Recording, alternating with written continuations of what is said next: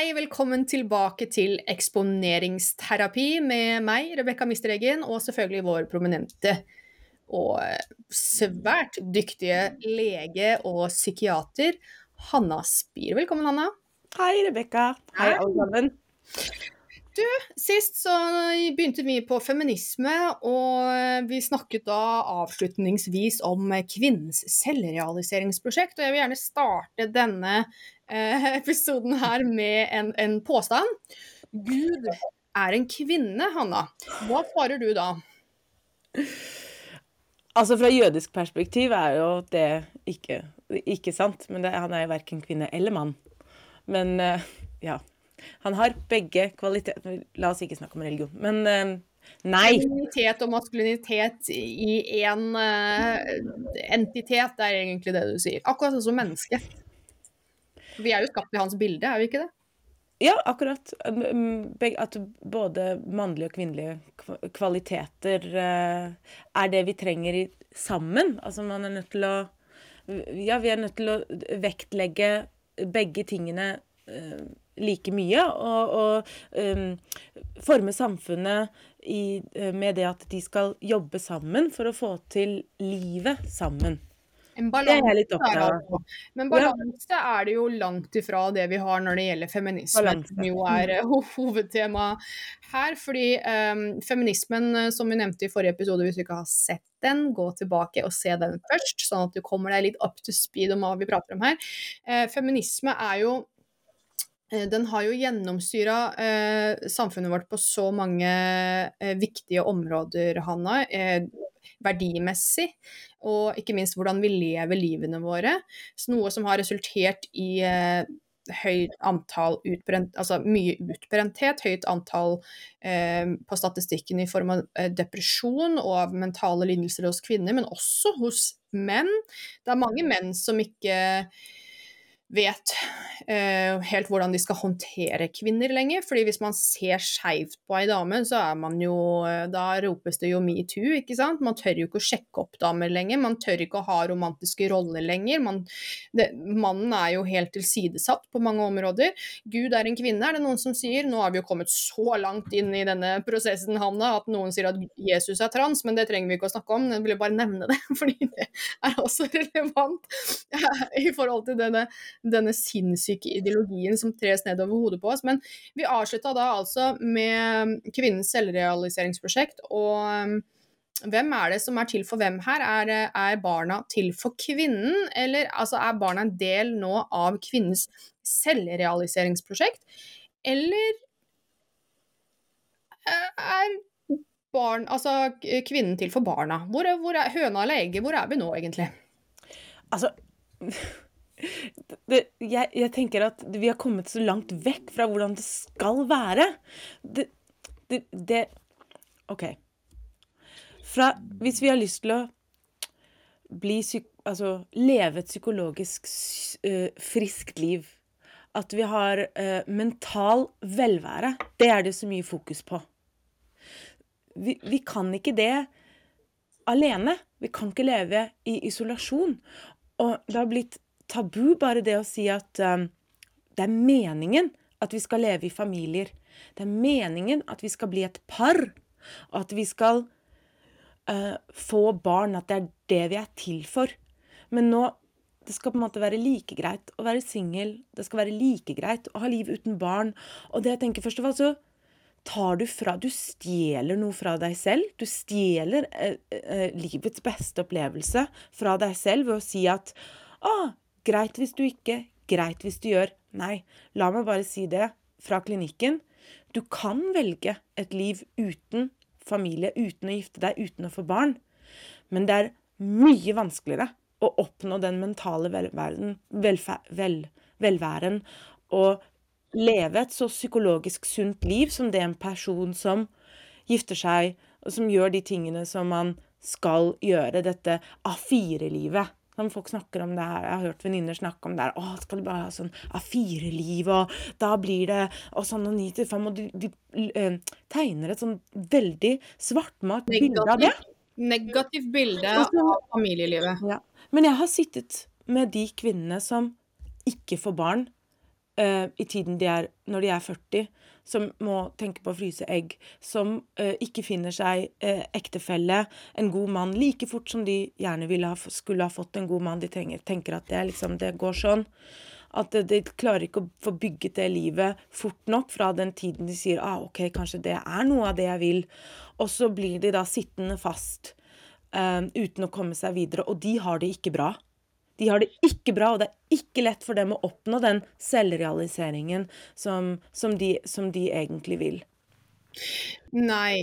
Eh, det er veldig interessant eh, å se på det med, med Altså Nå hoppa jo dette terapidyret mitt opp her igjen. og det er en eh, guttepus, og jeg har hatt denne diskusjonen noen ganger i forhold til han. Fordi han er så inderlig gutt, Hanna. Eh, det er veldig tydelig på dyr. Hvis man ser på biologi og hvordan, eh, hvordan denne biologien manifesterer seg i livet.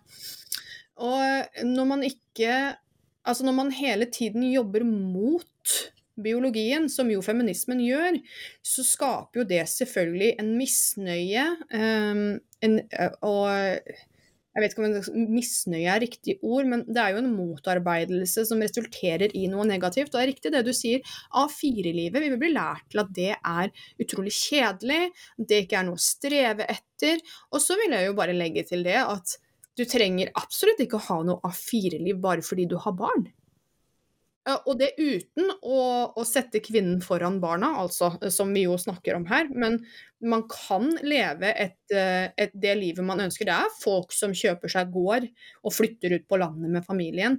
Det er folk som uh, tar jordomseiling med familien og, og, har barna i opplæring og har all tiden sin sammen med dem. Det er folk som har hjemmeskole for å få til de tingene de ønsker å få til som familie i livet. Det det ikke gjør, Eh, altså, det, det, man ikke får gjort, er jo å drive sitt private, individuelle selvrealiseringsprosjekt. Fordi man er avhengig av at familien er med, er det ikke det?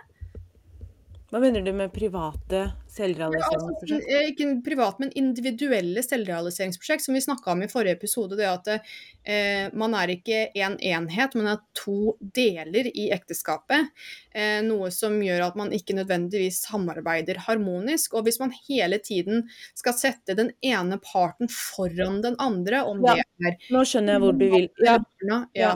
Og jeg tror at det er det folk tenker på når de snakker om det her kjedelige A4-livet. Fordi at det er utrolig slitsomt, og det, og det har jeg selv opplevd. Hvis, du, hvis, det er deg mot meg, og det handler bare om Det, det hører jeg uh, par uh, si i terapien, um, at, um, at nå er det min tur til å ha litt tid til det. det nå er det min tur til å ha litt uh, fritid. Og hvis du må si sånne ting, da har, du allerede, da, da, da har det allerede skjedd noe feil. Fordi at det, det, det, skal være at du gjør livet sammen.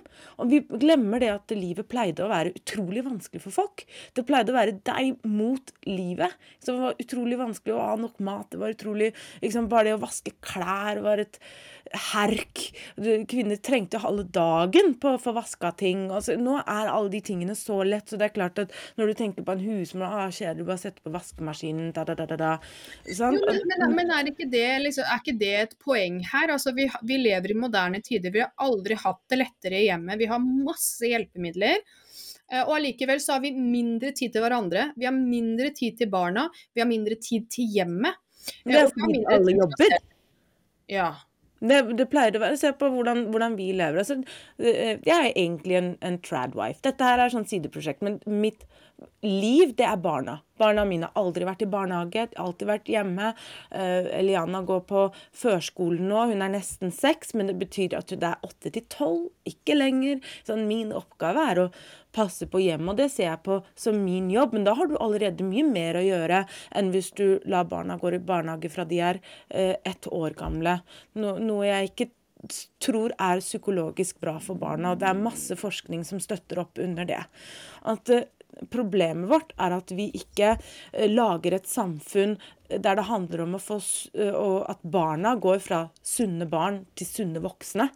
Vi har laget et samfunn som hovedsakelig tenker på har kvinner det bra, gjør vi det bra for kvinner? Og når noen ønsker en eller annen issue, når du, når du snakker om ah, altså jeg vet ikke hva, eh, en eller annen sak, så kommer du alltid lenger frem hvis du argumenterer for kvinnens sak.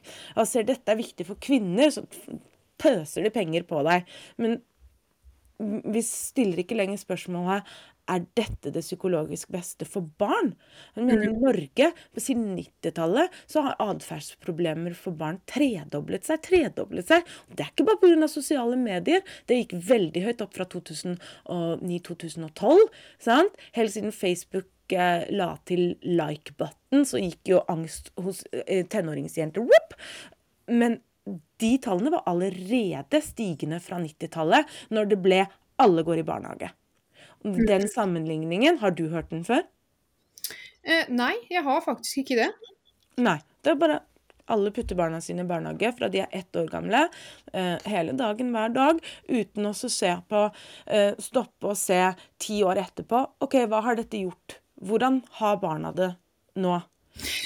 Ja, det er én ting jeg har merka meg, Hanna. fordi jeg har jo uh, små barn i familien min. Det vil si, nå har hun begynt på skole, den ene, og den andre er fortsatt i barnehage. Men jeg husker det med, med det første barnet, uh, som var i barnehage fra ettårsalder.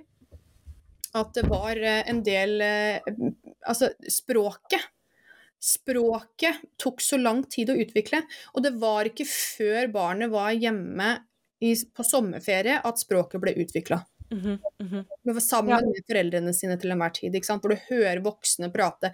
Og så Én ting er jo det at det å putte små barn i barnehage før de kan snakke eller eh, altså uttrykke seg i det hele tatt, eh, annet enn gaga og, mm -hmm. og, sånn, at det er jeg synes, jeg, Personlig syns jeg det er forferdelig slemt. Jeg syns det er regelrett slemt mot barnet. Det er det ene.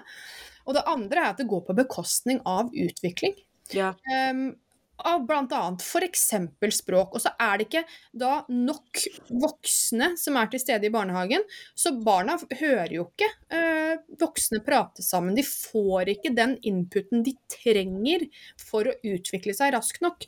Og så har vi jo da, da et, vi et, annet problem også, Hanna. Eller vi har ikke det, vi får det vel snart kanskje. Sverige har et annet problem med barnehage. Barna der lærer ikke svensk, de lærer arabisk. Ha! Så um, da svenske barn, etniske svenske barn kommer hjem og kan mer arabisk enn de kan svensk uh, Og det bør egentlig fortelle oss at det er noe som er fundamentalt galt her. Ja, men jeg er ikke så interessert i liksom hva, hva, de, hva, de, lærer sånn kompetansemessig. Jeg er mer interessert i deres emosjonelle, deres psykologiske utvikling. For å lære å snakke, lære språk, det, det, det kan de lære senere. Det, det, kan komme, og det er veldig individuelt. Plutselig har de et. Men dersom den emosjonelle eh, tilnærmingen deres til mor eller far ikke utvikler seg sånn som den skal, da får du ordentlig problemer. Og siden 2000 så har, eh, så har eh, ADHD-diagnosen steget med 241% men det er jo mange som, eh, som, påstår det at ADHD Nå har jeg bare lest litt sånn rundt på det, det er sikkert en konspirasjonsteori eller noe sånt der selv. Eh, eller kanskje ikke, eh, hvem vet. At ADHD det er eh, egentlig bare en hva skal vi si, hva er det de kaller det for noe? Um, ADHD, det er det er egentlig bare normal gutteoppførsel. Altså, man tvinger guttene ned i et, jente, altså et system tilpassa jenter, hvor de ikke får være gutter, så de utagerer. At det er det som er på en måte hele fundamentet for ADHD. Hva tenker du om det fra et psykologisk perspektiv? Det er veldig, det er veldig, det er veldig interessant. Det, jeg tror mye av det er det. Men ADHD eh, jeg er en av de, og det er en bevegelse som prøver å, å, å, å, gjøre en endring i ADHD, men som sier at det er ikke en Det er ikke et syndrom, det er ikke en disorder. Det er stress. Mm. Og du kan spørre eh, eh, barneskolelærere om de, om de, de, de um, Ja, de kan alltid peke ut hvilke barn som hadde minst godt av å være i barnehage. For noen barn så, så går det, men en barnehagesituasjon er noe som virkelig fører til uh, stress hos barn. Og hvis du sammenligner De har gjort dette. Sammenligner barn som går i barnehage, og de som er hjemme hos mor, så har barna i barnehage mye høyere stresshormonnivå enn de som ikke har det. Og det, det å være mer enn 20 timer borte fra mor inntil du er tre år gammel, det er veldig skadelig. Det som skjer, uh, det er at um, det er mor som beroliger deg. Det er mor som uh, gjør at du klarer å regulere emosjonene dine. Og når du ikke lærer det av og det er bare mor som kan det. Altså Noen ganger far, men far har vanskeligere. For sånn som vi rørte på i, i den forrige episoden. Far annerledes, har annerledes reaksjon til oksytocin enn det mor gjør. Mor er mer kjærlig. Um, de, um, de, har vanskelig med emosjonsregulasjon. Og alle de sykdommene, de psykiatriske diagnosene som vi ser har masse problemer med nå, de har et fellestrekk, og det er at de har vanskelig med emosjonsregulasjon. Og ADHD er ett av de tilfellene hvor du ikke klarer å ikke sant? Du er ikke Det går ikke an å lære deg noe, for du er konstant stressa. Ja. Ja, du, ikke, du, ikke, du, er hele tiden i flight, flight mode. Prøver, og det er det stresset. Det er at jeg føler meg ikke trygg. Jeg klarer ikke å sitte stille. Jeg er ikke trygg her. Og vi vet det når vi er stressa, når vi er trøtte. Da kan ikke vi tillegge oss ny kunnskap. Hva kan ikke du det? Det kan jeg. Nei, jeg kan ikke det. Er, men hva slags konsekvenser har dette her på sikt, da, Hanna? For vi snakker jo da om Eh, barn i barnehage, det er jo blitt nå så normalt at alle sender jo barna sine i barnehage. Har man, eh, mange har jo ikke noe valg heller, de er avhengig av de to inntektene for å få livet til å gå rundt. Dessverre så er det sånn samfunnet vårt har blitt satt opp etter å ha blitt overøst i feminisme i årevis så har vi da altså gjort kvinnen Vi har jaga kvinnen ut av hjemmet, tatt fra kvinnen muligheten til å være hjemme med barna sine. Oppå det hele så kategoriserer man og stempler damer negativt, de som ønsker å være hjemme med barna sine. Så her har vi liksom en det er, det er eh, Man har angrepet Feminismen har angrepet kvinnen på flere nivåer fra ulike vinkler samtidig, noe som har resultert i at vi nå har en generasjon, eller to eller tre, eller jeg veit ikke hvor mange, som vokser opp i barnehage uten foreldrene sine, går videre i skolen, blir eh, diagnosert med ADHD. Hva skjer med disse senere i livet da, Hanna? Ja, når du har vanskelig med å regulere følelsene dine Så OK, la meg gå. La meg gå tilbake. Det som er veldig viktig med eh, tilnærming, attachment-teori, og hvis du er veldig interessert i det, så eh, anbefaler jeg å lese Gordon Neufeld. Uh, han har en bok som heter 'Hold On To Your Kids', som handler veldig mye om dette, og som skjer når mor går og jobber. Uh, og han har en veldig interessant observasjon. Og det er at uh, barn i dag, de, har, de er peer attached istedenfor adult attached. Så for å gå virkelig helt tilbake til hvorfor dette er så viktig, så ville jeg begynt der. Um, at eh, barn i dag, fordi at de er mer rundt andre barn enn det de er rundt sine egne foreldre, så er det viktigere for dem hvor de står i forhold til de andre barna. Så de tar sine cues fra, fra, fra andre barn, og det da fortsetter når de går på skole, så er det viktigere hva barna syns, enn voksne. Og de mm, mm -hmm, De barna er umulig å oppdra. Det blir barn du, det første jeg tenker på nå, det er uh, uh, uh, transpersoner. Ikke sant. Som, De er mer opptatt at uh, samfunnet rundt skal akseptere dem og anerkjenne dem som den fantasien de forteller seg sjøl at de er. Fordi, for det første, de har ikke den aksepten for seg sjøl, og den fantasien er jo ikke virkelighet med mindre folk rundt bekrefter den. Og, og det, Hanna, det, det, for, det, med at man er avhengig av de andre barna rundt, eller samfunnet rundt, for å, å få ja, bekreftelse eller aksept eller um, hva man skal kalle det. Du har sikkert Jeg syns bekreftelse var veldig bra. Der ja. satte du halve på grisen. Har man, la, man, har, man, har, laget et menneske som ikke klarer å være eh, som ikke klarer å være trygg på seg sjøl, stole på sin dømmekraft, eller på det man ser ut av vinduet. He-he, ref, ref, klima, klimakrise. Eh, og man, eh, man eh, man sørger jo da for at uh, folk blir hjelpeløse, rett og slett. Og dette har man da gjort i dekonstruksjonen av familie, og her er det, det bare Det her må jo være eh, selve fundamentet for å bryte opp familien, for å ødelegge denne som vi kaller A4-familien, eller familielivet generelt sett, med mor, far og barn i én en enhet. Fordi hvis du har, en, har, familieliv, et sunt familieliv, så er det jo mamma, pappa og bror og søster eh, som er viktig for deg, som, som lærer deg ting, som, har, som, gir deg den bekreftelsen og lærer deg å akseptere og bekrefte deg sjøl. Samfunnet rundt, og da taper jo da samfunnet den makten. Ja. Det, det, det, for barn Og vi undervurderer dette fordi at vi fokuserer så veldig på prestasjon. Ja. Og på alt vi skal lære. ikke sant, som du, Det var derfor jeg tenkte når du snakket om språk og sånn før, sånn, mm, ok, det er ikke Språk kommer. Språk, alle de tingene vi skal lære, det kommer. Men det som ikke kommer, det er å føle seg trygg. Mm. Og, det, og det er nødt til å sitte på plass når barna er små. Så de føler seg først trygge, og så kan de lære. Et barn som er stressa, lærer ikke. Så enkelt er det. Et barn som ikke har sine tilnærmingsbehov dekket, glem det. Da, de, det, hva skal de gjøre på skolebenken? Det eneste de tenker på, er ikke sant, jeg må, få, eh, jeg må få bekreftet min plass i gruppen. Det er det som er viktig for oss evolusjonært. Det er hvor er jeg i gruppen, og særlig for jenter er dette viktig. Så derfor så det, er det de tenker på hele tiden, er er andre like meg? Er jeg som de andre? Er jeg, og de søker den gruppen helt til de finner den, og først når de er der, så kan de begynne å tenke på andre ting.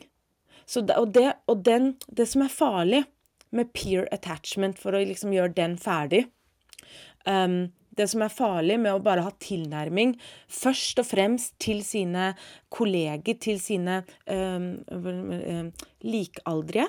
Mm -hmm. Likald, likaldrige. Ja, eller sine Jeg vet ikke Jeg vet ikke hva jeg Ja, til, ja. til barn som er like gamle. Jevnaldrende. Mm. Ja, jevnaldrende. Klassekamerater.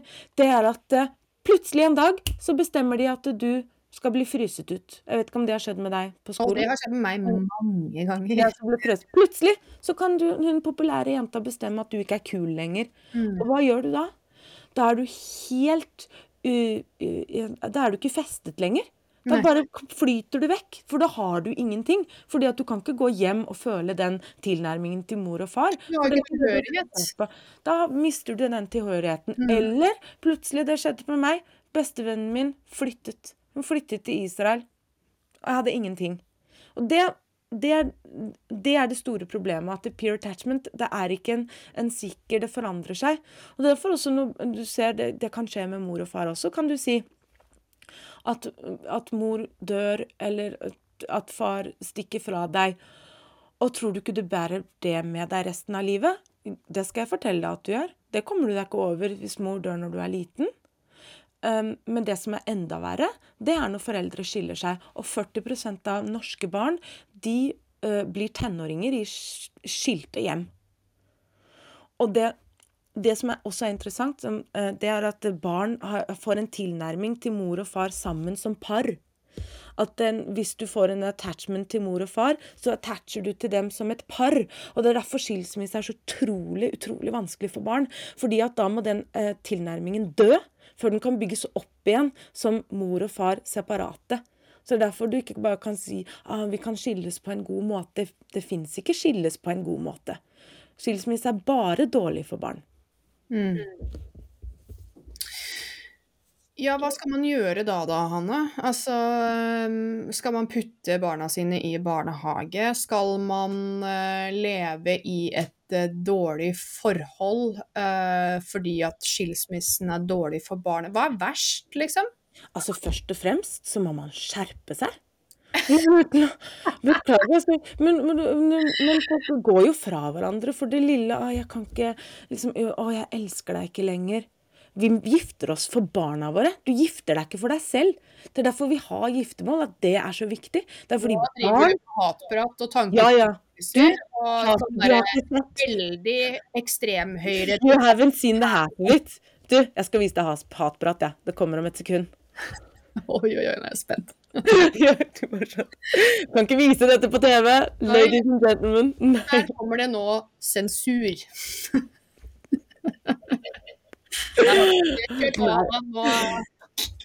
Så hold deg, fast. Nei, altså, vi gifter oss for barna våre. Mhm. Um, og barn som Hvis du vil ønske deg én ting for foreldrene dine, så er det ikke at de skal være rike eller intelligente, det er at de skal være gift. Um, og nå er det veldig mange norske par som, som um, velger å ikke gifte seg. Som velger å bare bo sammen uten å inngå uh, ekteskap. Og ja, de gjør ikke barna sine en tjeneste. Um, og det som skjer, ja, du spurte hva som skjer. Mhm. -hmm. skal, man, skal man leve i et dårlig forhold, eller skal man skille seg? Hva er best for barna? Sett deg selv til side, og barna først. Jeg beklager, du gjør ikke det hvis du, setter, hvis du, hvis du uh, ikke klarer å holde ekteskapet ditt sammen, selv om du ikke elsker partneren din. Hold på det til barna er vokst. Sett dem i sentrum, Uh, og, og få barna til 18 år før du, før du, begynner, før du, før du tenker på deg selv. Men endrer det noe Altså selvfølgelig, det har jo noe med barns utvikling å gjøre osv., osv., men jeg tenker på sånn Jeg, jeg kjenner jo til folk som har eh, at Hvor foreldrene har skilt seg voksen, når barna har vært i voksen alder. De tar det jo fortsatt forferdelig tungt. Ja, de gjør det. De gjør det. Men det alle, altså det er, i, hvert fall, det er i hvert fall bedre. Men ikke sant, vi, vi tenker så mye på oss selv at de fleste tilfellene Først og fremst er jo 75% av, av skilsmisser de er jo initiert av kvinner. Det, det, det burde nesten også si oss, si oss noe. Vi, vi skiller oss over en lav sko. Og jeg, ikke, eh, fordi at vi nemlig ikke er klare nok på at giftermålet er for barna. Ikke for oss fordi jeg elsker deg, eller jeg vil noe annet. Og vi, vi vokste fra hverandre. Det hører jeg Altså, jeg, jeg snakker på vegne av det jeg har sett i klinikken, um, og, og forskning. At vi har tall på dette. Vi har tall på at det ikke går så bra med barn som, uh, som uh, vokser opp i, med, med, med foreldre som ikke er gift, med foreldre som skiller seg. Det er at uh, um, med sosiale medier så har dette her bare eh, blitt enda, enda verre. Fordi forestill deg at du er tilnærmet jevnaldrige, og så kommer sosiale medier. Mm. Og det er derfor det her har blitt så utrolig skadelig for uh, unge jenter. Gutter ikke så mye som jenter, men det er fordi at de, de prøver å dekke tilnærmingsbehovene sine. Og så er det OK, hvem har sett og hvem har likt, og jeg har ikke fått så mange likes, og har du sett den, og, og det bare går helt Det går helt skeis. Ja. Ja, det gjør jo det. Altså, jeg tenker jo dette uh, også Det har jo noe med um, ja, Dette er en ganske upopulær mening, tror jeg. Kanskje grenser det til og med til hatprat. Men det har noe med hvordan man faktisk oppdrar barna sine også. Mm -hmm. eh, fordi det kommer igjen tilbake til den tryggheten du snakker om, Hanna. Eh, hvis man lærer barna sine Og selvfølgelig, det, det, det vil jo Sosiale medier vil jo trigge noe i eh, f.eks. unge jenter i forhold til det med likes og osv. Og, og angst og andre ting, eh, basert på hvordan eh, tenårene er, eller hvordan puberteten er. For den er brutal, la oss bare være helt ærlige om det. Pubertite pu puberteten er brutal. Men eh, hvis du har eh, gode eh, rollemodeller i livet ditt, og som ivaretar deg eh, i forhold til dette med sosiale medier osv. Eller det å ikke bli Altså, jeg husker Jeg slet jo med dette, jeg også. Det, jeg ville jo veldig gjerne bli likt Hanna. Eh, men mammaen min sa til meg at Rebekka, du kan ikke bli likt av alle. Og det syntes jeg var ufattelig urettferdig. Du liker ikke alle, du heller. Og så begynte jeg å tenke på det, og jaggu gjorde jeg ikke det. Mm. Det å kreve å bli likt, eller at hele verden ramler fra hverandre fordi at man ikke blir likt av ja. og Y, den kan man Altså, lær barna dine å tenke, tenker jeg. Ja. Og det er, det er lettere å håndtere sosiale medier hvis du har en hvis din tilnærming først og fremst, hvis dine behov først og fremst blir dekket av mor og far, hvis dine emosjonelle behov ikke er avhengig av jentene rundt deg, ikke er avhengig av de likesene, der det er lettere å se OK, jeg legger telefonen eh, vekk. Men det er også uh, uh, Ungdom klarer ikke legge telefonen vekk, for de får ikke dekket sine emosjonelle behov når telefonen er skrudd av. Det er vel også noe uh, altså av, Det er jo noe avhengighetsskapende med telefonen også. Ja. Det er som et narkotika. Men for jenter så er det, det en emosjonell avhengighet. Så det er en re, eh, er det mer den gamingen. Også, du får det Det er en annen type uh, avhengighet. At uh, jenter føler seg føler seg da dårlig når de ikke får den, den bekreftelsen. Og det er den, uh, den attachmenten til, til, til, mor og far som også gjør at du oppfører deg slik som de vil at du skal oppføre deg. Du klarer ikke å oppdra et barn som ikke bryr seg om hva du mener. Det er den der når jeg, når jeg, når jeg sier til, uh, til, sønnen min Jeg sier sønnen min, for jenta mi bare gjør som alt hun når, han når, jeg, når, jeg, vil at han skal gjøre og oppføre seg bra, slutt å skrike. Så gjør han det ikke fordi at jeg skriker på han, men han gjør det fordi at han vil ikke ha den uh, disapproval. Han vil ikke ha mm. at jeg ser på han annerledes, at jeg ser på han med, med at jeg ikke liker han. Det mm. skjer aldri, da, men han vil ikke uh, Han vil at jeg skal bare se på han og smile. Ja, og, og, og, det at han bryr seg så mye om hva jeg mener om han, der er den attachmenten. Men hvis han kan gå i barnehagen og føle seg like lik, likt og like trygg pga. de andre barna, eller pga. de voksne i barnehagen, da blir han for meg veldig opp, vanskelig å oppdra hjemme. Og Det er derfor den er så viktig at den er på plass. Jeg er nødt til å være hans, hoved, hans hovedperson.